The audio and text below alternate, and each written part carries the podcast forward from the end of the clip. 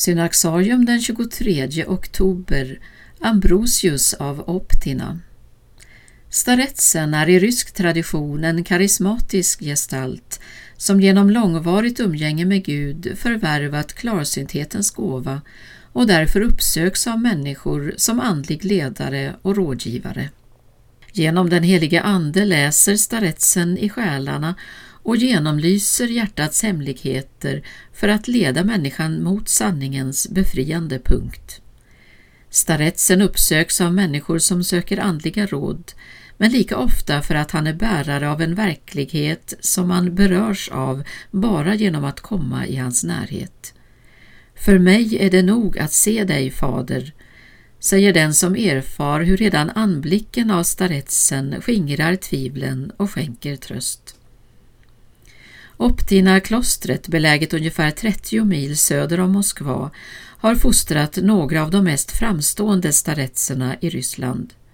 Den mest berömde av dessa är förmodligen Ambrosius, klostrets andlige fader under en del av 1800-talet. Alexander Michailovich Grenkov, som han hette, var redan som barn livfull och vig i tanken, men bräcklig hälsa tvingade honom till avsevärda begränsningar. I tonåren uppmuntrades han av sin andlige fader att gå den monastiska vägen och i Optina träffade han två av de andra betydande staretserna vid denna tid, Leonid och Makarius, och blev deras lärjunge.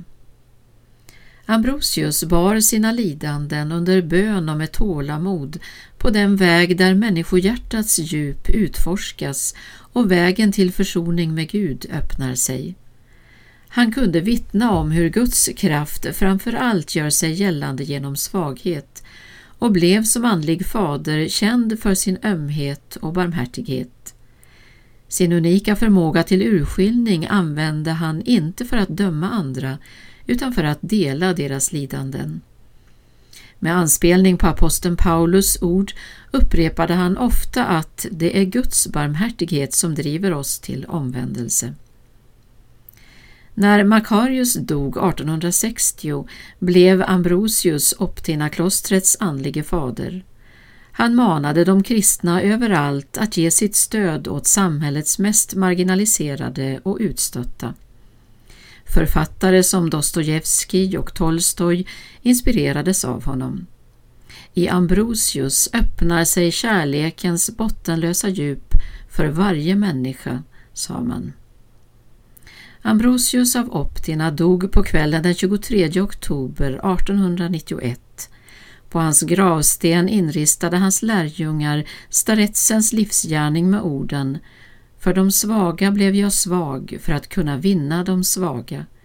För alla har jag blivit allt för att kunna frälsa alla.